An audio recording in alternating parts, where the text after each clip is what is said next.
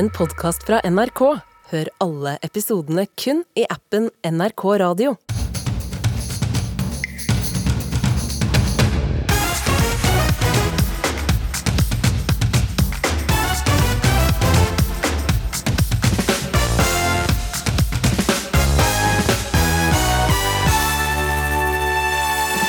Justisminister Emilie Enger Mehl er i hardt vær fordi hun lastet ned TikTok på tjenestemobilen.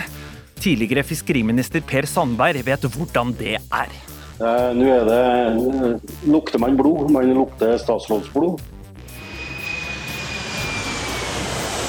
580 dager i luften var alt Flyr fikk. Nå er over 400 ansatte uten jobb. Veldig trist, syns Norwegian-gründer Bjørn Kjos. Ava, Elisabeth, My, Rose, Anna, Margaret Veslemøy. Kjært barn har mange navn. Aune Sand ga sin yngste datter sju. Hvorfor skal du få vite litt seinere. Varmt velkommen til ukeslutt, hvor vi også skal til Trondheim, hvor den store MGP-finalen går av stabelen. Mannen ved mikrofonen de neste par timene er meg, Knut Øyvind Hagen. I dag er det julaften for alle som elsker glitter og vindmaskiner på full styrke. Well, hello,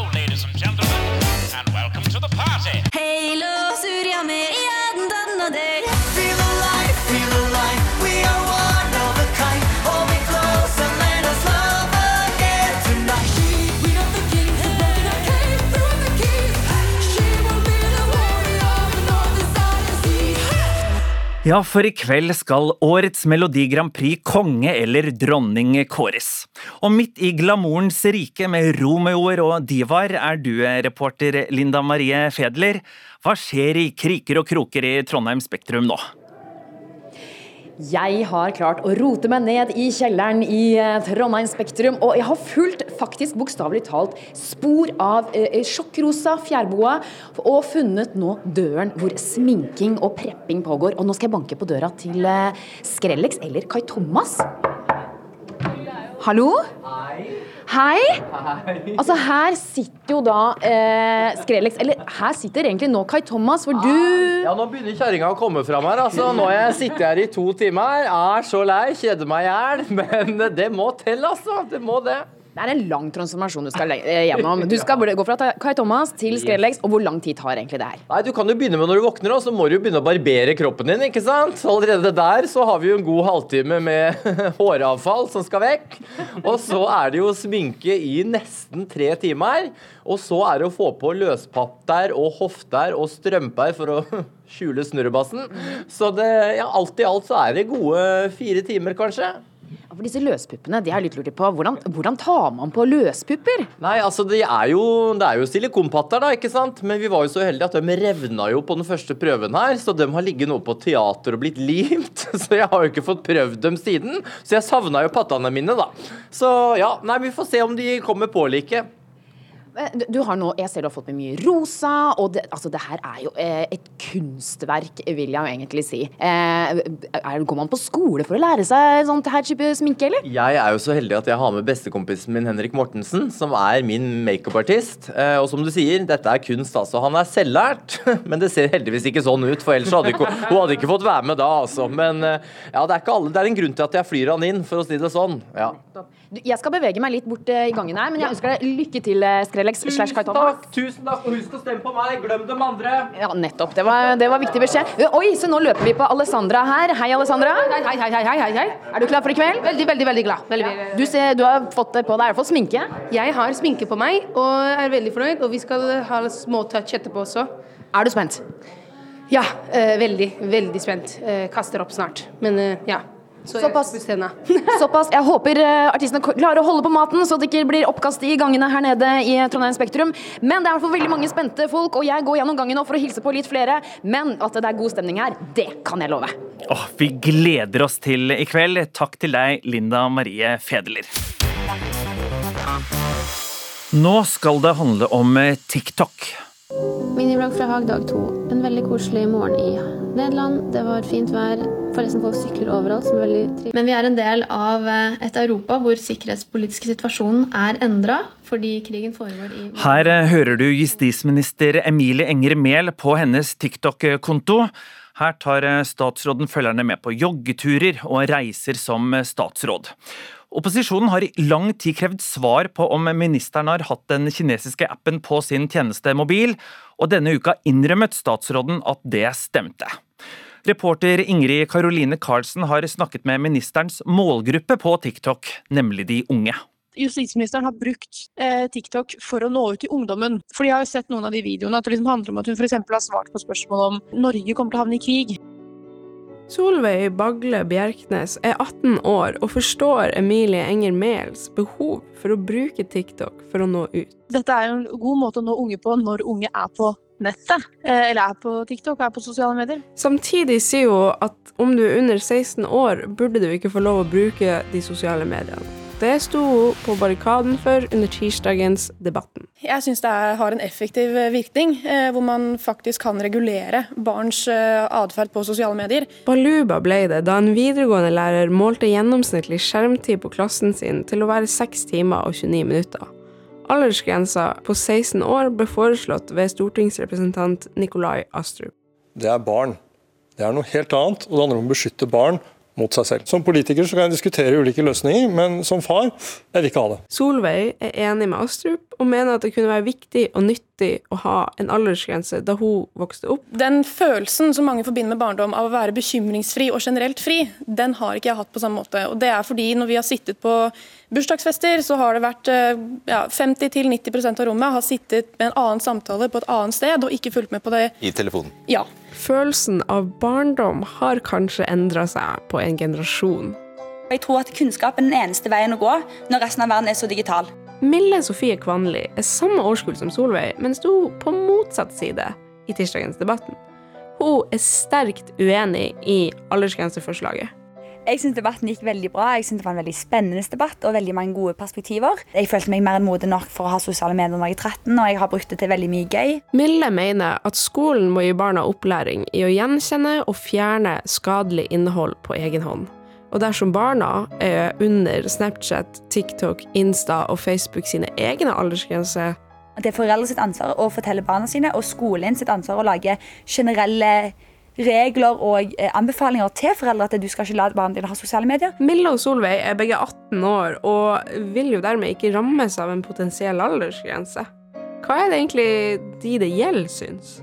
Vi snakka med 15-åringene Amanda og Maja fra Oslo. Jeg tror jeg var 13 da jeg fikk Insta. Ja, jeg tror jeg var sånn Jeg tror jeg ble 13 egentlig da jeg fikk de fleste tingene. For jeg fikk ikke lov før da, på en måte. Jenten mener at aldersgrense er unødvendig. Sånn som vi, vi blir jo 15, og det at vi ikke skal liksom nedlaste Snapchat og sånn før, vi, sånn før om et år, det syns jeg er litt dumt, egentlig. For vi er, jeg mener at vi er modne nok til å ha det. Det kan være sånn pedoer som adder deg på Snap, da. Men man kan jo blokke de. Når jeg spør de om å vise meg skjermtiden sin, så blir de litt flau. Mamma kommer til å høre på dette, det går ikke. Ok, I dag har jeg tre timer og en halv time. Jeg har sånn åtte-syv timer. Ja. Da. Snitt per dag er Oi, oi, oi. oi, oi, oi. I dag har jeg besøkt den norske grensen til Russland, som er 198 km lang og ligger i Finnmark. Dette er Emilie Enger Mehl. Og beredskapsminister, og dette er en miniblogg fra min offisielle reise til Haag, Nederland. Hun har møtt sterk kritikk denne uka. Så er vi i straffedomstolen i eh, Haag. De jobber med de aller mest alvorlige forbrytelsene. I et intervju på TV 2 onsdag innrømte Mehl å ha hatt den kinesiske kontroversielle appen TikTok lasta ned i over en måned på sin egen statsrådtelefon. Stortinget åpner høytidelig den første mandagen i oktober, og her venter regjeringen på å reise bort for å være med. Den røde løperen er lagt ut for kongen, som kommer for å holde den årlige trontalen. Det var mitt sete før. Dagen etter er det duket for trontaledebatt. Her sier alle partiene noe om hva de vil i tiden som kommer. Jeg snakket om nasjonal Så er vi i straffedomstolen i eh, Haag. De jobber med de aller mest alvorlige forbrytelsene, f.eks. Mille Sofie Kvanli mener at denne skandalen egentlig bare styrker hennes sak. Generelt så viser du bare at eh, alle har behov for litt eh, å lære litt om nettvett. Og alle trenger opplæring i sosiale medier og faren som kommer med sosiale medier. Og da står jeg litt på det jeg sa om at eh, jeg står for de aldersgrensene som sosiale medier eller appene sjøl har valgt, som er 13 på alle. Og så må vi heller fokusere på å gi opplæring på de, og at eh, stat, staten åpenbart ikke skal gå inn og fortelle oss at vi ikke kan bruke telefonen vår sånn som vi vil. Mens Solveig Bagle Bjerknes mener at aldersgrense og et forbud ville gjøre TikTok mye mindre attraktivt for statsråder å ha. er det en aldersgrense på sosiale medier, så vil jo ikke TikTok være den naturlige måten å skulle nå til de unge på. Det endrer måten man kommuniserer med unge, som vil gjøre at man ikke like lett laster ned kinesisk kontrollerte apper. da. Justisministeren har altså innrømmet at hun lasta ned og brukte appen TikTok på sin tjenestemobil. Det fortalte statsråden i et eksklusivt intervju med TV 2. Hun har fått mye kritikk for at hun ikke vil svare noen andre, og nå krever opposisjonen svar i Stortinget. Jeg tok litt tidligere en prat med Per Sandberg, tidligere statsråd og Fremskrittspartipolitiker, som også var i hardt vær pga. sin mobilbruk på reiser. Sandberg sier han kan ane hvordan Emilie Enger Mehl har det nå. Absolutt. Eh, Nå er det, eh, lukter man blod, man lukter statsrådsblod. Eh, og da er alle sammen på jakt etter statsråden, selvfølgelig. Men det er jo litt merkelig, syns jeg, at ikke man har lært. Man har jo medierådgivere, assistenter på alle kanter. Og man burde ha advart statsråden ganske tidlig om at dette vil bli situasjonen hvis man ikke åpner seg umiddelbart. Du var selv fiskeriminister og fikk avskjed i nåde i august i 2018. Grunnen til det var at du hadde med deg tjenestemobilen på ferie til Iran og på jobbreise i Kina. Hvordan ser du på det nå? Nei, men Det er jo ikke riktig. Jeg hører både NRK og mange andre prøve å gjenta på inn- og utpust at jeg måtte gå av pga. denne mobiltelefonen i Iran og, eh, og Kina. Det er altså ikke riktig. Jeg valgte sjøl å gå av. Altså, man har jo blitt helt paranoid i forhold til dette med bruken av mobiltelefon.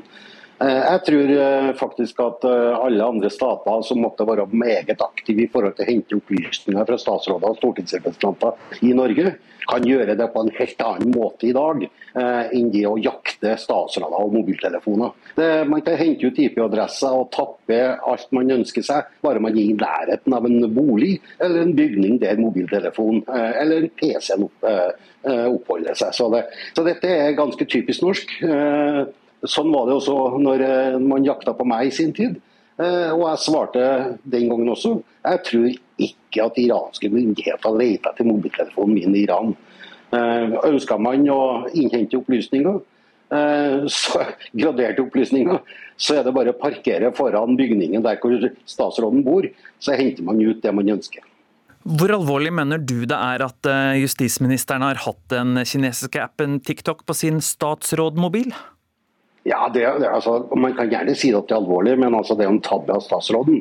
Og, og det at man ikke eh, har bedre bistand fra eh, departementet og andre i forhold til denne type bruk. Nå kjenner jo ikke jeg til TikTok i hele tatt, jeg leser bare overskrifter og nyhetene i forhold til dette. At det er et kinesisk selskap. Eh, men, men det er kanskje det som er mest alvorlig her, at man lar statsråden komme i uføre. Men også Erna Solberg og to av hennes eh, statsråder lasta ned TikTok da de satt i regjering. Like fullt så er Høyre og ditt gamle parti Frp kritiske til Mehl nå. Hva syns du om det? Dette er strats, jakten på statsråd, og ikke noe annet enn det. Eh, man, man plager statsråden med ulike eh, spørsmål, krever å komme til Stortinget. Dette er misbruk av Stortingets ressurser. Men samtidig så har statsråden da hjulpet opposisjonen her da, gjennom å være så tilbakeholden i forhold til sine opplysninger. Hva er ditt råd til Emilie Enger Mehl nå? Nei, det er å bare legge alle kortene på bordet. Det. Eh, og Så vil det sannsynligvis da i ettertid vise seg at en rekke andre også eh, har hatt med seg gradert telefon ut på reise, har lasta ned TikTok på mobiltelefon, så i en rekke andre sammenhenger også, som er brudd da på sikkerhetsrutiner og slike ting. Sånn var det også med, i min situasjon. Det gikk ikke mange uker etterpå, så var det et tyvetalls andre personer som hadde gjort akkurat det samme. Så eh, jeg sier bare til statsråden, jeg bare møt opp i Stortinget og brett ut alt. eh, noe hun burde ha gjort for eh, lenge siden. Takk for at du var med på linje fra Thailand, Per Sandberg. Vi har eh, invitert justisministeren, men hun har gitt eh, beskjed om at hun ikke har mulighet til å stille. Men vi skal videre til deg, Tor Erling Bjørstad. Du har doktorgrad i cybersikkerhet ved Universitetet i Bergen, og jobber med cybersikkerhet i selskapet Nemonic. Hva er verst eller mest alvorlig? Å laste ned en kinesisk app på tjenestemobil, eller å ta med tjenestemobilen til Kina eller Iran? Det er et eh, godt spørsmål. Jeg tenker jo i utgangspunktet at uh, man får ut veldig mye data fra mobilapper om, eh, om, et, om en person. Men det er klart at når man tar med seg mobilen på reise, så vil fremmede styresmakter også kunne kontrollere mobilnettet. Så det blir på en måte to, to ulike angrepsvinkler samtidig. Nå er det jo justisministerens bruk av TikTok på statsrådmobilen det står om. TikTok er en app som amerikanske politikere vil forby. Hva er det egentlig med TikTok? Jeg tenker at Det som er med TikTok i veldig stor grad handler om uh, geopolitikk. At det er en uh, app som er laget av et kinesisk selskap, og hvor data blir sendt til Kina. Hvor man mistenker at uh, kinesiske myndigheter vil ha tilgang, eller kunne få tilgang til denne informasjonen. Mehl sier hun hadde TikTok på tjenestemobilen i en drøy måned. Altså, Hvor kort tid etter nedlasting må man slette denne appen for å unngå at det hentes ut data? Sånn som disse appene virker, så vil de begynne å sende data med en gang man tar dem i bruk. Og Det vil jo, det, det vil jo kunne være bl.a. informasjon fra GPS-en på mobilen.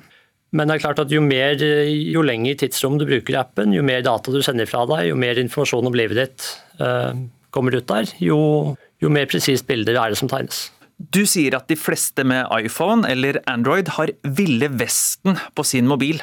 Hva mener du med det? I 2019 og 2020 så var jeg med å gjennomføre en studie sammen med Forbrukerrådet om mobilreklame. Og den studien den kalte vi for Out of Control. Fordi det vi oppdaget når vi så på hvordan data ble samlet inn fra mobilapper, det var, det var Vill Vest.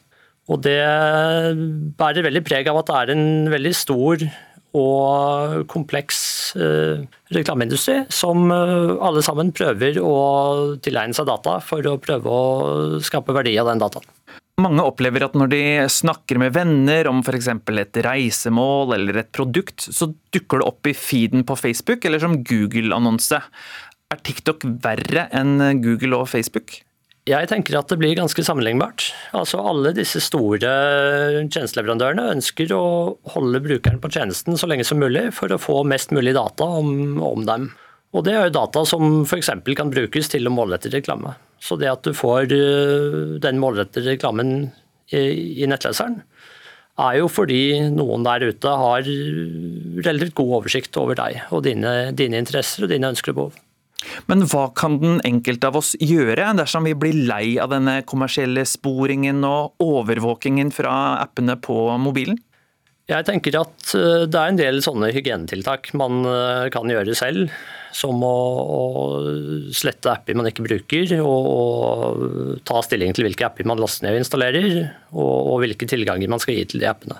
Men til syvende og sist så er dette et område som må reguleres på overnasjonalt nivå. Til slutt, hva med Emilie Enger Mehl og andre myndighetspersoner? Hva bør de gjøre i forhold til apper og tjenestemobil? Som jeg var inne på, så er det veldig krevende for enkeltpersoner å klare å beskytte seg i, i denne virkeligheten. Og jeg tenker at Hvis man har et såpass høytstående verv, enten det er politisk eller i næringslivet, så trenger man også et apparat rundt som, som forstår trusselbildet, og som kan komme med både veiledning og råd, og ikke minst et opplegg som funker for, for den personen i det vervet. Takk for at du opplyste oss om TikTok og teknologi, Tor Erling Bjørstad. Da Hamar Arbeiderblad skulle omtale et arrangement om boka Norsk nok og temaet identitet, blandet de rett og slett sammen bokas redaktør, Mala Wang Navin, og politiker Kamzy Gunaratnam. Bilde og navn stemte ikke overens, og da feilen skulle oppklares, ble det nye feil. Og de er ikke de eneste som har opplevd å bli forvekslet i media eller av folk på gata. Så jeg at det sto eh, mitt, eh, mitt bilde, men eh, navnet til Mala. Eh, og tenkte at eh, nå, nå skjønner jeg ikke helt hva som skjer her. Og så sendte jeg henne bilde av det. Ja, her ble det feil i Hamar Arbeiderblad, for under bildet av Kamzy Gunaratnam, som er stortingspolitiker for Arbeiderpartiet, sto navnet til Mala Wang Navin, som i dette tilfellet var aktuell som redaktør av boken Norsk nok. Så fikk jeg den, eh, den notisen da, tilsendt, og med litt sånn latter-emoji til. Først syns de det hele var litt komisk, forteller Mala Wang Navin. Og saken den engasjerte da de delte den videre i sosiale medier. Okay, Nok en gang liksom skjer det at bare brun person er brun person, og dette, dette kan vi jo bare liksom eh, at det, det, Så lett er det å forveksle. Brun er brun. Eh, mens andre så komikken i det. Eh, og redaktør i eh, avisa beklaget det hele og sa at selvfølgelig vi skal rette opp dette. Ja, dagen etter så hadde jo jeg lovet da på hennes Facebook at uh, følg med i morgen, da kommer det en ny mention. Ja, sjefredaktør i avisa, Katrine Strøm, måtte bare beklage sammenblandingen. Men det skulle senere vise seg at det også ble feil da feilen skulle rettes opp. Det skal du få høre mer om snart, men først noen flere eksempler på folk som har blitt forvekslet. For det kom det nemlig flere av i kommentarfeltet. Det virker som om folk syns det er veldig vanskelig å holde fra hverandre de der eh, kommentatorene i Dagbladet på M. Ja, to blonde damer i Dagbladet med navn på M, Marie Simonsen og Martine Aurdal, forveksles ofte, forteller Aurdal. Jeg får tilbakemeldinger som skal til Marie og motsatt, eller til og med invitasjoner til forskjellige paneler eller tilbakemelding. Folk har sånn begrenset eh, knagger å henge informasjon på. Martine Aurdal forteller at hun flere ganger også har blitt forvekslet med kunstneren Marianne Aulie og forfatteren Åsne Seierstad. Og det har jo også ført til eh, noen morsomme situasjoner. Som da hun ble hyllet for boken Åsne Seierstad hadde skrevet. Kaster seg rundt halsen min og sier at alle mine venner i Tsjetsjenia elsker den nye boka di. Så vidt jeg husker, så tror jeg jeg takket pent og gikk rett og fortalte det til Åsne. altså, det er jo folk som eh, har litt høy BMI og som er skalla, eh, ligner jo greit på hverandre. Ja, for slike forvekslinger kan det jo bli noen gode historier av. En av dem fortalte komiker og skuespiller Steinar Sagen om i talkshowet Kåss til kvelds. Og så sier de sånn eh, Er det du som er Freddy Kalas? og så blir jeg jo jeg blir helt perpleks. eh, Men så sier, eh, hører han andre, han kompisen hans, sier mens de går, sier han Det var det jeg sa, det var Staysman.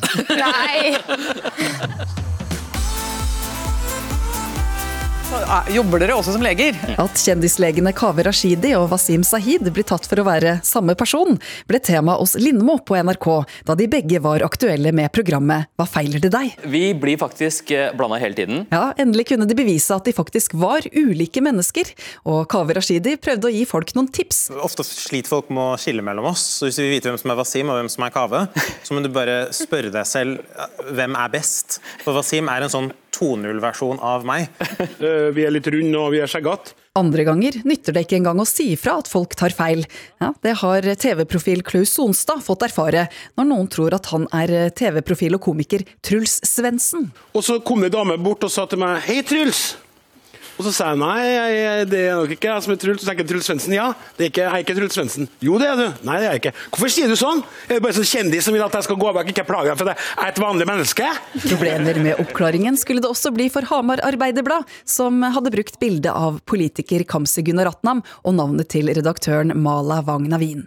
For da avisen publiserte en ny versjon, fikk sistnevnte et helt nytt navn. De brukte riktig bilde til navn, men denne gangen så ble navnet mitt, da, som er Mala Wang det ble til Maria Wang. Eh, Så, så den rettelsen eh, gjorde egentlig Ja, man gikk kanskje fra asken til ilden der. Og med det bakteppet at de nettopp skulle snakke om identitet og tilhørighet i forbindelse med boken Norsk nok, så syns hun det hele ble ugreit. Ja, eh, da forandret egentlig tingene seg litt. Altså selv om vi kan jo le av det også, men så ble det eh, ble det liksom litt tydeligere at den eh, At det der å få ting riktig ikke var så farlig. Det var ikke så viktig.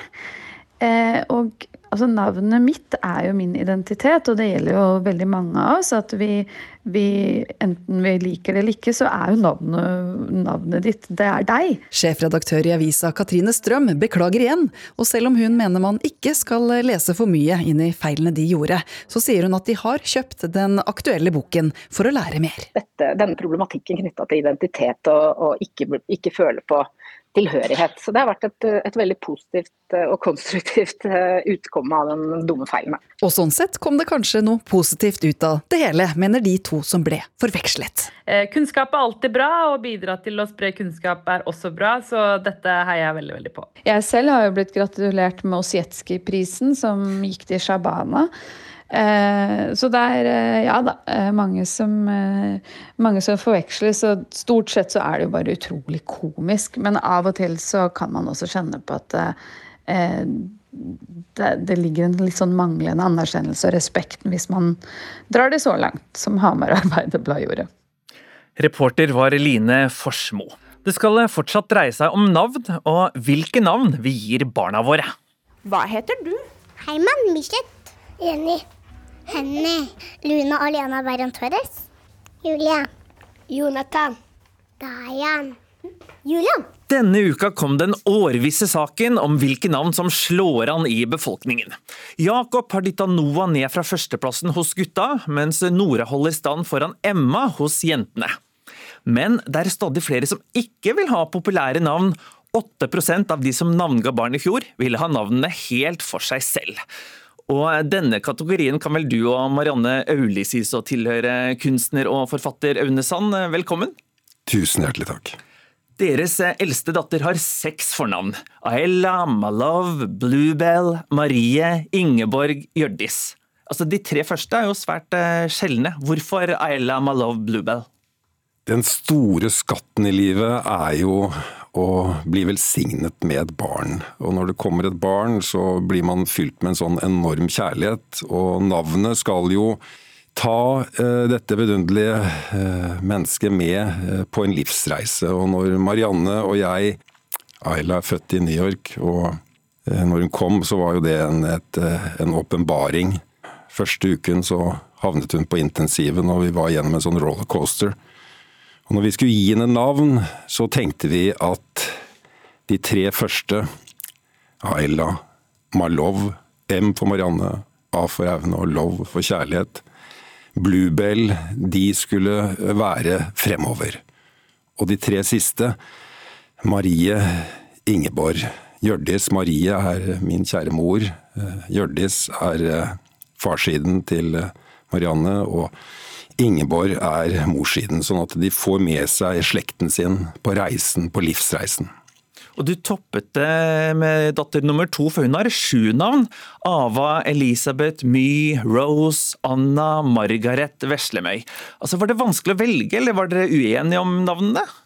Når du har vært med på uh, en kvinne som føder et barn, uh, så får hun lov å bestemme. så var, eh, det var en, et eventyr å, å, velge navnene, og ja. Og når du skal si det kjapt og kort, hva bruker du da? Da bruker vi Lillemor og Lillegull. Å, det er nydelig. Eh, Jon Olav Folsland, seksjonsleder SSB, altså Statistisk sentralbyrå. Hans døtre har jo en blanding av unike engelske og rotnorske kvinnenavn. Hva sier dette deg? Nei, Det sier meg at øynene her er uh, en del av en ganske stor, stor, trend, og det er å velge, velge navn som er helt, uh, helt unike. Vi, vi, slapp jo topplisten nå, liksom de mest populære navnene i, i Norge, som du var, var inne på. de står bare for topp ti for gutter og jenter står samla sett for rundt 12% av alle navn som ble gitt i, i Norge i fjor. og eh, Det betyr jo da at 88% velger helt andre og mer unike navn på barna sine. Og Hvor vanlig er det at folk gir barna seks-sju navn? Jeg vet hva, Det har vi ikke tall på. Jeg tror det er ganske uvanlig. Eh, for det vi ser er at eh, vi har gått inn og sett på hvor mange som gir dobbeltnavn, sånn som jeg og, du har. Eh, og det, blir, det, går ned. Flere og flere velger bare ett fornavn til barna sine. Vi vet ikke hvorfor det heller skjer, men vi tror nok at det har noe å gjøre med at flere får to etternavn, sånn at navnene ikke blir, blir lange nok som de, som de, er. Så Det er ikke en stor trend å gi veldig mange navn til barna sine, så vidt vi kan se. Aune hva med pass og ID-kort? Blir det mange mellomnavn på det passet? Nei da, du, det går veldig bra. De har både amerikansk pass og, og, og norsk pass. Når Ava Vi ventet Ava. Så kommer mamma til meg på kjøkkenet på Hvaler, der hun har servert meg altså, de beste rettene du kan tenke deg. Så sier hun I natt så fikk jeg en åpenbaring. Hun skal hete Veslemøy. Du kan ikke si til mamma da Ja, men Så, så navnet um, er kjærlighetsnavn fra uh, slekten som har vært som skal minne de på, når de er ute og reiser på livets reise, hvilke fantastiske forfedre de har hatt, og hvordan de har kjempet for det vidunderlige, nydelige demokratiet vi lever i, og den friheten vi har. Og vi er jo så, åh, så heldige vi er som lever i et sånt vidunderlig demokrati. altså. Kan barna føle at disse navnene blir litt store å leve opp til, eller? Nei, jeg tror altså i vår familie, altså med, med Vebjørn, August, Aune Gard, Ane, Margrete, Eimund Ola og Håvard. André. Barn tar det eventyr de får og danser videre i livet. Det, det er ikke sånne problemstillinger som vi setter i hodet på barna. Nei, nei, nei! nei. Er det bare blomstereng?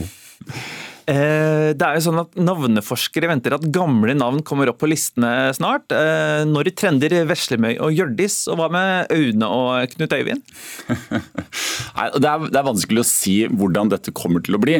Det vi har, det vi har sett fram til nå, eh, er at navn har gått i sånn 120-årssykluser ca. At navn må bli helt borte. De, være, de som har hatt det, må ha vært døde og, og ute av det en god stund før de begynner å bli populære igjen. De, de trendene som er akkurat nå, med guttenavn fra Bibelen, Jakob og uh, Lukas og Elias og disse, det er uh, sånn rundt 120 år siden. Men så tenker jeg at det er ikke sikkert vi får de samme trendene uh, helt tilbake. Jeg tror at dette med å velge navn som er helt, som føles liksom personlig, det, det er noe jeg tror har kommet for å bli. Og Da blir det jo en veldig, en veldig stor spredning. da. I, I, fjor så var det, selv om vi har vært sluppet topplisten nå, så det var altså 6680 forskjellige navn som ble gitt til barn i fjor. Så spredningen her er, er veldig stor. Wow. Aune Sand, har du fått lyst på noen flere navn selv, og hva skulle de vært i så fall? Veldig godt spørsmål. Jeg er så veldig takknemlig for, for, de navnene jeg har fått, og, og Aune som da betyr øde gård. Og da ser jeg for meg eh, en sånn øde gård for, for, 150 år siden som ligger oppi et sånn dalsøkk. Og så kommer man vandrende opp sammen med sin kjære, og så er det en sånn løe, så går man inn på den løa.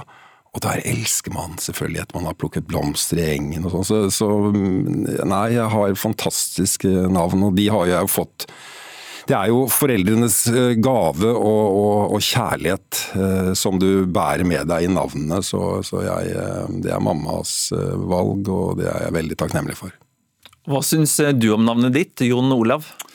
Nei, Jeg også har et godt forhold til jeg, For meg så er det tradisjoner fra Telemark. Det er farfaren min på den ene siden og morfaren min på den andre, så jeg kjenner meg igjen i det. Jeg bærer, bærer slekters gang med meg i, i mitt navn.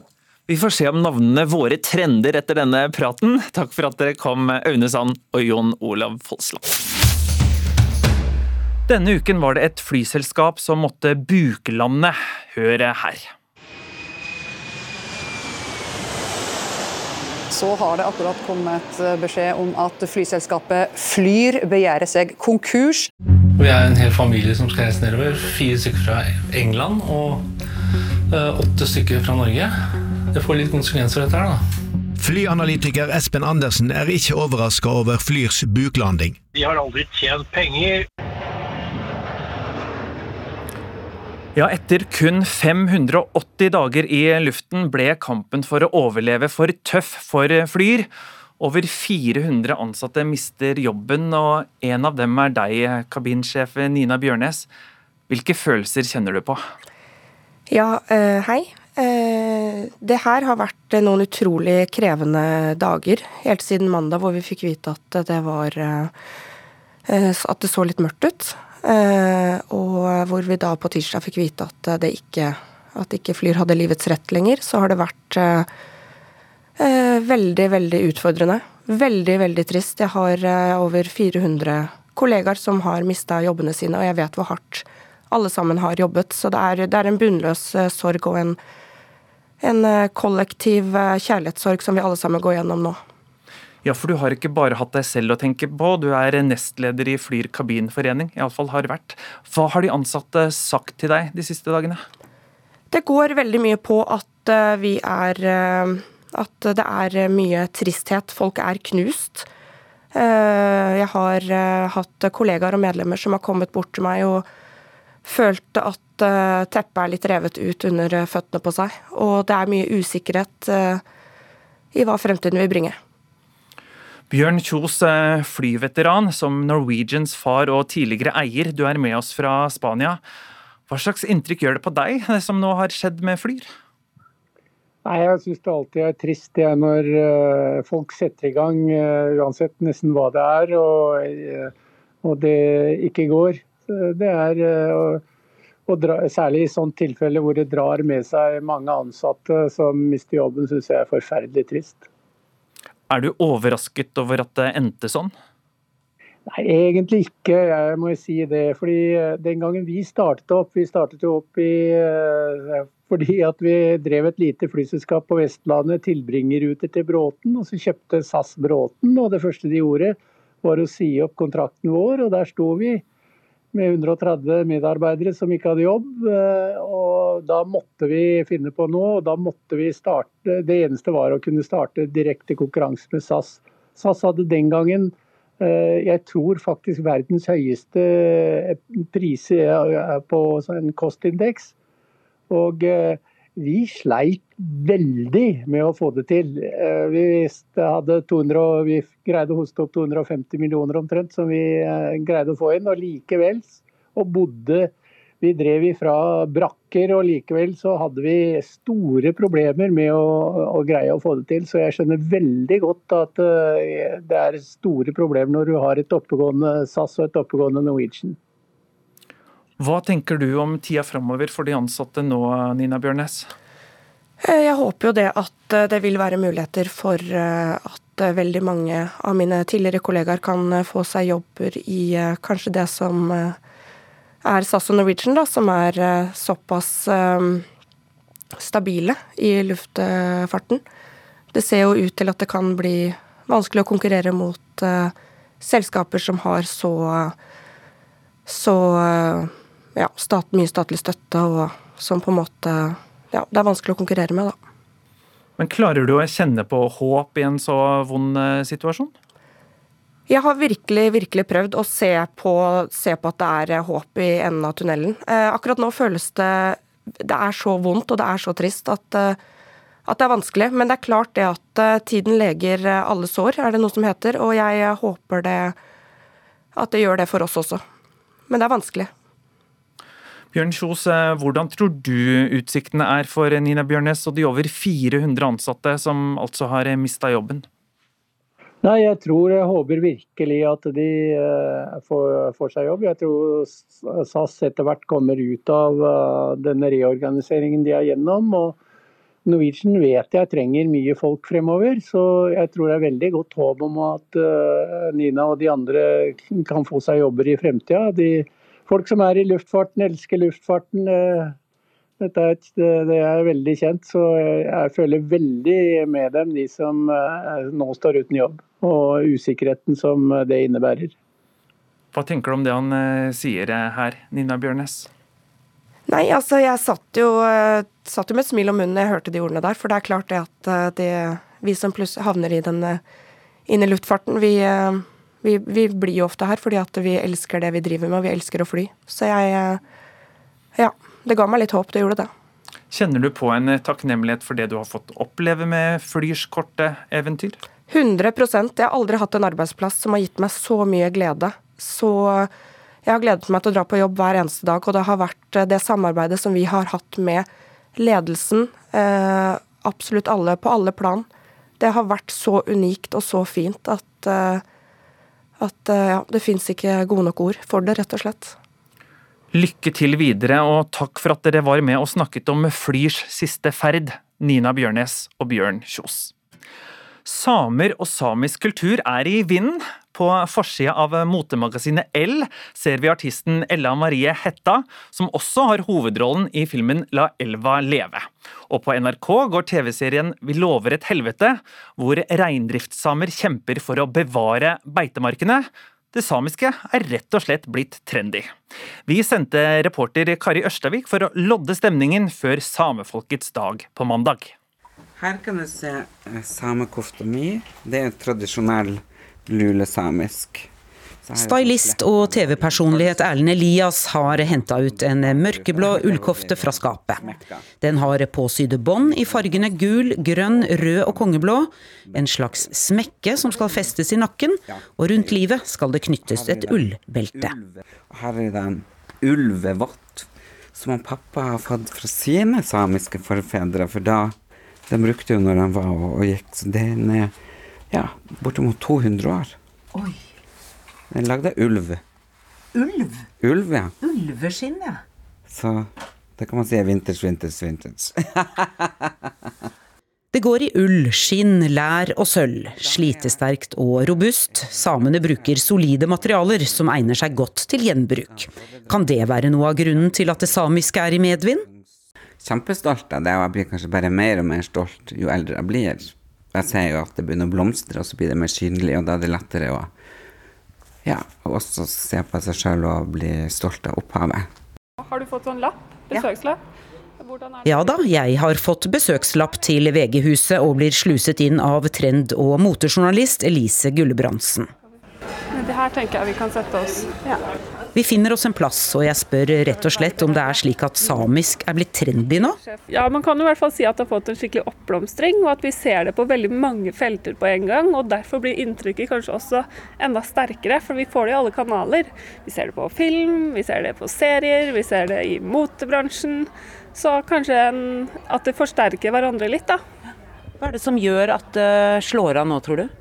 Jeg tror jo at det er ekstra tydelig nå fordi at eh, vi er flinkere til å huske på den rike kulturarven vår akkurat opp mot 6.2 hvert eneste år.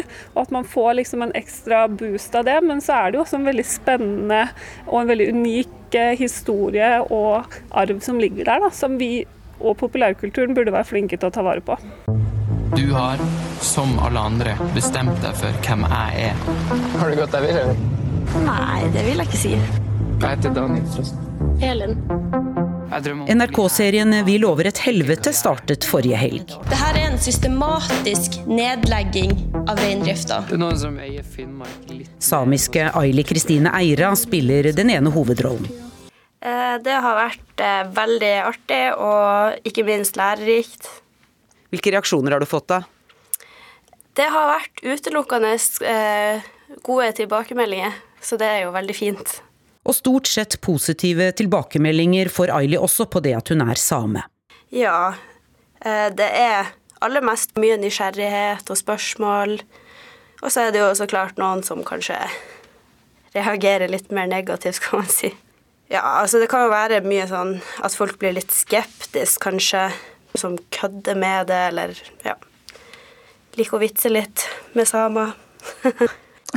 Nei, dessverre så kan jeg ikke noen samevitser, og bra er det, kanskje. Det sier kommentator i avisa Nordlys, Maja Sojtaric. Jeg syns samevitser er jo best når samer forteller dem sjøl, så jeg anbefaler alle som er interessert i å sjekke ut Isalill Kolpus, annet, som er en fantastisk hyggelig standup-komiker, også på tur opp i kulturuniverset i Norge. Det er ikke bare fryd og gammen for samene i dag heller. Tidligere så vi at samiske veiskilt ble skutt på med hagle. Nå er skytterne blitt nettroll i kommentarfeltene. For konflikter er det fortsatt, sier Sojtaric, og henviser til gruvekonflikten, som er tema i TV-serien Vi lover et helvete. Det er jo basert på sann historie. Eh, I Repparfjorden så ønsker man jo da å, utvikle en gruve eh, hvor man skal utvinne kobber, som skal liksom hjelpe til med det grønne skiftet. Eh, samtidig som det er reindriftsnæringa som blir påvirka av det. Så det kan man også nevne at I Trøndelag så har jo Fosen-dommen, altså høyesterettsdom som er kommet, som sier at samene i sin kulturutøvelse ikke ble, ble hensyntatt når konsesjon om vindkraftutbygginga ble gitt der. Så det der med energi, eh, utbygging, eh, utbygging av industri versus de samiske kulturnæringene er fortsatt en høyst levende konflikt i Norge. Alt er jo ekte ull og skinn, og, og man har jo Slite sterkt? Ja. Har for eksempel Det kan jeg vise deg. Det jeg er tilbake i klesgarderoben til Erlend Elias i leiligheten hans i Oslo. Han viser meg belter, kaffeposer, smykker og skaller, luer og votter. Sølvet som hører til, ligger foreløpig i fryseren for å beholde glansen. På Samefolkets dag på mandag skal det hele fram. Da skal Erlend Elias til Lakselv i Finnmark, og kanskje får han bruk for pelsen etter oldemora si. Ja, det er gaupe. Ulveskinn og gaupepels. ja. Tror ikke Noah skal komme inn hit.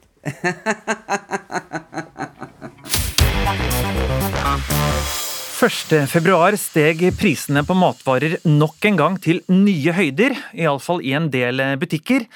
Og når prisene vokser i utakt med lønna, kan det for mange bli mindre gourmet og mer nudler.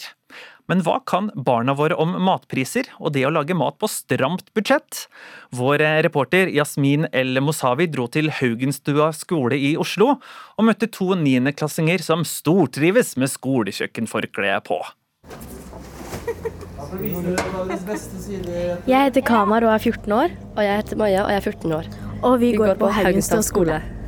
I dag skal vi lage omelett med grønnsaker i muffinsformer med pizzadeig. Jeg tar turen til Haugenstua skole i mat- og helsetimen. Hvor, hvor, ofte er dere egentlig i mat- og helsetimen? Eh, en gang i uken. En gang i uken? Ja.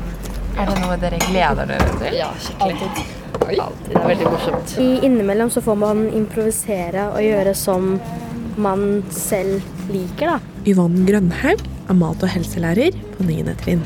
Hva ser du på i mat- og helsetimen, da? Jobber en del med bærekraftighet og bruke litt fornuftig råvarebruk. At man ikke bare må kjøpe nytt, men man bruker opp det man har også. Altså det er en veldig stor prisøkning på matvarer. Noe du tar hensyn til? Vi eh, bruker eh, noen teoriøkter til å spare litt penger, sånn at vi kan bruke litt mer penger når vi først har matlaging. En av dere har teori. Er det noe å glede seg til? Ja, fordi vi lærer jo om eh, eh, nyttige ting, ikke sant. Om eh, vitaminer, mineraler eh, og forskjellig korn, ikke sant. Så det er, det er, lærerikt. Og noen ganger så kan det være kjedelig å bare sitte inne i klasserommet i to timer. Sånn. Men ellers er det faktisk gøy.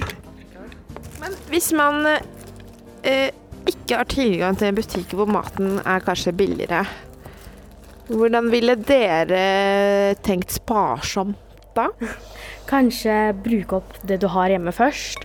Og um, kanskje rydde litt, sånn at du får bedre oversikt over hva du har hjemme. Og lage gode handlelister så klart når du skal til butikken. Du ikke kjøper masse tull. Du vet hva du skal ha. Det du trenger, bare kjøp det. Er dere med på handleturen da? Oh, eh, pappa handler veldig tidlig. Så når, han, når jeg våkner, så er han som regel ferdig med handlingen. Men eh, noen ganger så er jeg med. Ja, og da sier han ofte at eh, kurven blir dyrere.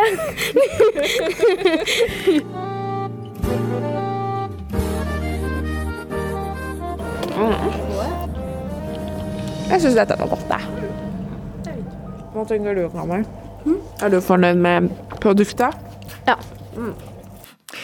May-Britt Aagaard, du er kokk og matblogger. Hva syns du om tipsene vi fikk av Kamar og Maja? Ah, jeg, jeg, blir jo helt rørt av denne reportasjen. Det er jo akkurat uh, sånn uh, som om jeg skulle sagt det selv. Jeg må bare spesifisere at jeg ikke er kokk, jeg er matblogger bare. Så jeg ikke skryter på meg en profesjonell tittel. Men jeg syns det, det, de sier er jo midt i blinken, og det viser jo også hvor viktig den mat- og helseundervisningen er. Dette er jo akkurat som om jeg skulle sagt det selv. Er det komplisert å lage et godt måltid til en billig penge? Altså Hvis du ikke har eh, særlig snøring på et kjøkken fra før og er vant til å lage halvfabrikata eller sette en frossenpizza i ovnen, så er, kan det være en liten utfordring. Men det, matlagning er et praktisk fag. Det, er, det handler om å øve, og det handler om å bruke tid på det og sette seg inn i det. Um, så umulig er det jo ikke, men du må på en måte vie litt tid og oppmerksomhet til det. Og så fins det selvfølgelig masse gode triks på veien. Og utvalget i norske butikker er jo godt nok til at du skal få det til til en helt grei penge. Det er vel ikke første gang at nordmenn må lage mat på stramt eh, budsjett. Hva kan vi lære av bestemødre som har stått på i trange tider? Ja, Det er de der bestemødrene vi stadig kommer tilbake til. Jeg tror den den, en ting som sjelden nevnes med besteforeldregenerasjonen vår, det er jo det at de hadde nok litt lavere forventning også til hva eh, et måltid skulle bestå av. I dag så har vi jo ganske høye forventninger til hva som skal ligge på tallerkenen, og hvor mye vi skal ha før vi blir mette, eh, hva det må være.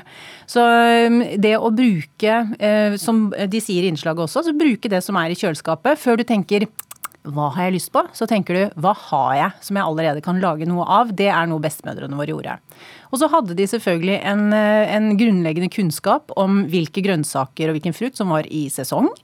Eh, de hadde kanskje oversikt over hva de hadde i fryseren, så de brukte av det, så det ikke ble liggende år etter år.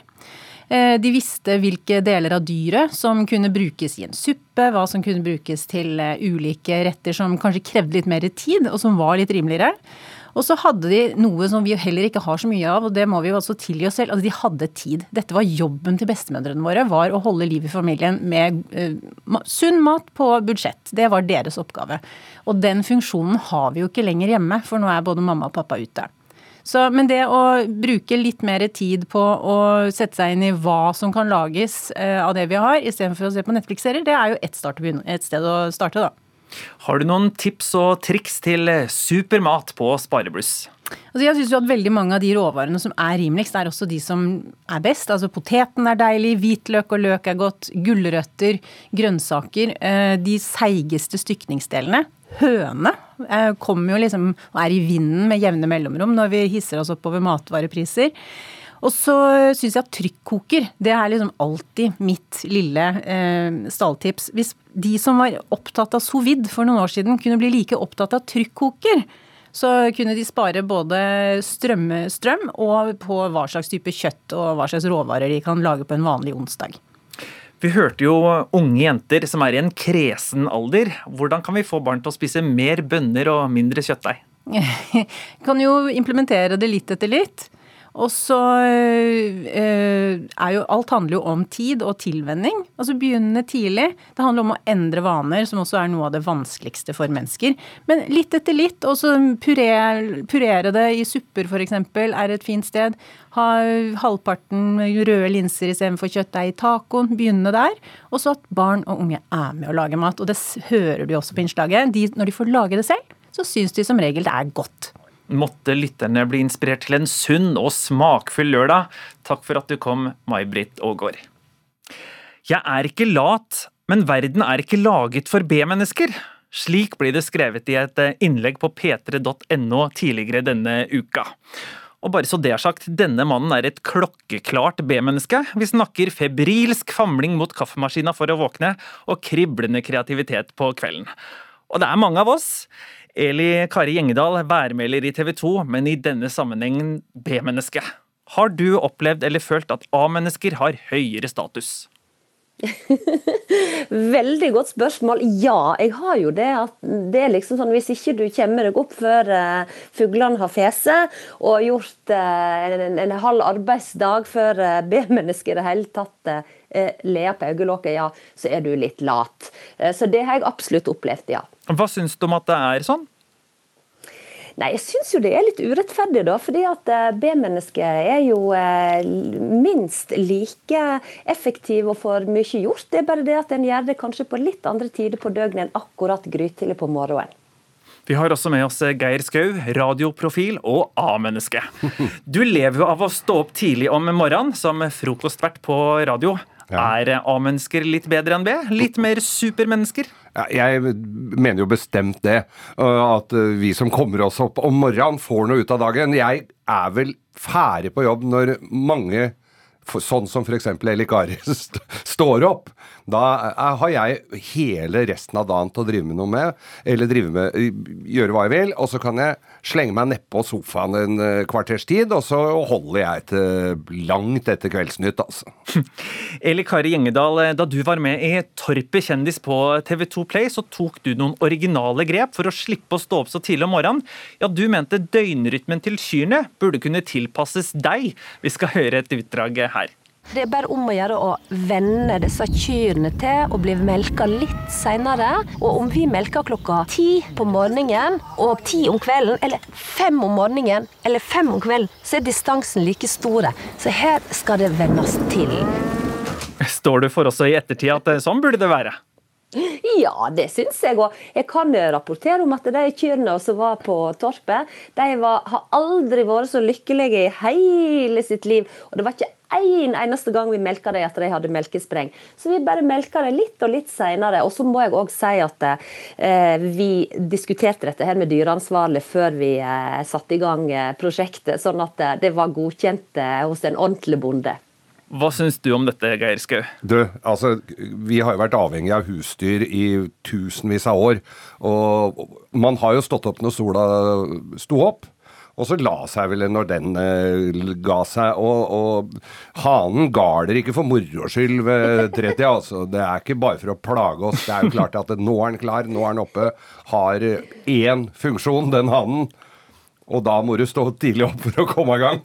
og når står du opp? Nei, jeg er oppe jeg er oppe seinere enn hanen. Det der med morgenradio-greier, at du står opp klokka tre, det er bare en myte. Så jeg er vel oppe sånn fem-halv seks-tida eller noe sånt, da. Hva med helgene når du har fri, da? Ja, da hender jeg Altså, i dag var jeg oppe Våkna jeg meg sjøl ganske tidlig, sjutida eller noe sånt. Jeg syns det er ganske tidlig. Og da synes jeg jo, og det å se det at åh, nå skal jeg bare ligge og kulen, nå kan jeg høre litt på radioen og sjekke litt aviser og, og, og gjøre litt sånne ting. Og, og når jeg har ferie, f.eks., altså første 14 dagene av ferien, da våkner jeg tidlig. Og da får jeg gjort sjukt mye. For da er det jo ut opp, opp sånne søppelhauger eller sånne, sånne, gjenbruksstasjoner, og de som selger planker, de åpner jo sju. Så jeg må jo sitte og, jeg sitter jo noen ganger og klorer i porten for å komme inn der, for da er jeg oh, Nå får jeg gjort litt, altså. Beskriv dagen din, Eli Kari Gjengedal. Hvordan er du om morgenen, og hvordan er du sent på kvelden? Det er fristende å si natta. Ja. Ja, det kan du si. Vet du hva? Mitt absolutte favorittidspunkt å våkne på, da føler jeg at kroppen min er lykkelig og har fått nok søvn, det er klokka 9.40. Altså ti over halv ti eh, er mitt perfekte tidspunkt eh, å våkne på. Um, sånn at hvis jeg får sove til det, da er ikke noe morgengretten i det hele tatt. Uh, men hvis jeg må opp før det, så blir ikke det sagt så veldig mye fra min side før det i hvert fall er to kaffekopper innabords og vi begynner å snuse på halv ti. Um, så det er den perfekte dagen for meg. Og jeg må jo faktisk slippe ei lita bombe her, men det var ei stund jeg faktisk hadde legeattest på at jeg ikke kunne begynne på kontoret før klokka var ti. Eh, så så gale har det vært med meg. Men kom igjen klokka er midnatt og ett. Da er det fullt lys i huset til likaret, Da svinger jeg vaskekosten. Da syr jeg i knapper og bøter labber, og jeg skriver i bøkene mine. Og jeg er altså så kreative og effektive og får gjort så mye. Skifter lyspære og alt. Så jeg har ganske godt nattesyn, for det, det, det er mye på natta det skjer hjemme med meg. Geir Skau, er det ikke medfødt, da? Noen er eh, naturlige B-mennesker? Jo, jo. Det er helt sikkert sånn. Og folk som har unge, ungdom i huset, de veit jo det at eh, A-ungdom fins jo ikke. De ligger jo hele dagen. jeg, kan, jeg, skjønner jo nå hvorfor far min kjefta så fælt for at jeg ikke sto opp om morgenen, for det blir, er jo litt sånn, men det har vel noe med at vi lader opp å gjøre. Men jeg kjenner en kar som snudd, Han var B-menneske, og så snudde snudde seg til å bli A. Han var oppe bare litt og litt lenger, helt han var A, at han sto opp på A-tid. Og så var det bang, da kutta han ut eh, prosjektet, og så han, ble han A-menneske. Så det går an. Har du en appell på B-menneskers eh, vegne, Gjengedal? Og ja, vet du hva? B-menneskene de er minst like effektive og ekstremt eh, kreative folk. Eh, en får gjort eh, vel så mye som et A-menneske, det er bare det at en gjør det på litt andre tider på døgnet. Så vær stolt over at du er et ekte B-menneske. Og hva er mest irriterende med disse A-menneskene? Nei, Det er nå det at de er så jækla tidlig oppe, da. Og så syns de jo sjøl at de er hakket mer verdt enn oss eh, som liker å sove litt frampå, som jeg sier. Så det, det, er egentlig det mest irriterende. Det er liksom opp med sola, her skal det trenes, 5000 situpser og ei banan på toppen før jeg egentlig har lagt meg om kvelden. Og det er veldig irriterende. Og hva er mest irriterende med B? Det at de ljuger, for jeg veit jo det at eh, Eli Kari har jo vært hos meg på radioen tidlig om morgenen og stått og klora i døra før vi har kommet, og er så sprudlende og oppegående som det overhodet er mulig. Men jeg har også vært med på de derre At det har vært dansa litt utover natta der, så hun eh, flørter nok i begge leirer, ja. I løpet av sendinga har mange lyttere vært inne på radioappen og svart på vårt spørsmål hva er best, A-menneske eller B-menneske? Og det er veldig jevnt. 41% har svart at de definitivt er A-mennesker. 40% erklærer seg som B. Men 19% svarer at de hører ikke hjemme under noen av kategoriene, men er en type C-menneske. Trøtt om morgenen og trøtt om kvelden. Hva tenker dere om de svarene? Og vet du hva, Jeg ble glad jeg, for å høre at det er 50-50. For ofte så får jeg en sånn følelse av at vi B-mennesker vi er på en måte en liten gruppe. Kanskje det at en ikke er, er, går ut og flagger det så veldig høyt, men, men nei, dette gjorde meg glad. Og, og så elsker jo jeg de som kaller seg selv for C-mennesker. Men da hvis du er både trøtt om morgenen og om kvelden, er det midt på dagen en er mest i støtet, da lurer jeg på. Hva tenker du, Geir Skau? Ja, nei, dette her er vel eh, Folk har jo svart, så dette er vel et snitt. De er i hvert fall oppe nå, de som har svart. Så de er vel ikke sånn helt Å-mennesker, men eh, nei, det er nok litt sånn Jeg, jo, altså, jeg er jo trøtt om morgenen, jeg òg. Jeg spretter jo ikke opp med glede bestandig. Men, men eh, nå har jeg jo drevet med dette, altså morgenradio i 13 år, så nå har det jo blitt en livsstil, og jeg har vent meg til det, så jeg syns jo det er helt greit. Du flørter litt med B? Flørter litt med B, ja. da sier jeg tusen takk for døgnedebatten, og for meg var dere akkurat like gode. A-menneske Geir Skau og B-menneske Eli Kari Gjengedal. Det var dagens musikk, reportasjer og saker. To timer er fløyet, lagret og sendt. Ragnhild Bjørlikke sto ved teknikkens spaker, og Kari Li var vaktsjef, eller produsent. Til alle Grand Prix-fans, gratulerer med dagen. Måtte den vinne, låten som du heier på. Programleder og vert Knut Øyvind Hagen sier riktig god lørdag, og tusen takk for nå. Du har hørt en podkast fra NRK. Hør alle episodene kun i appen NRK Radio.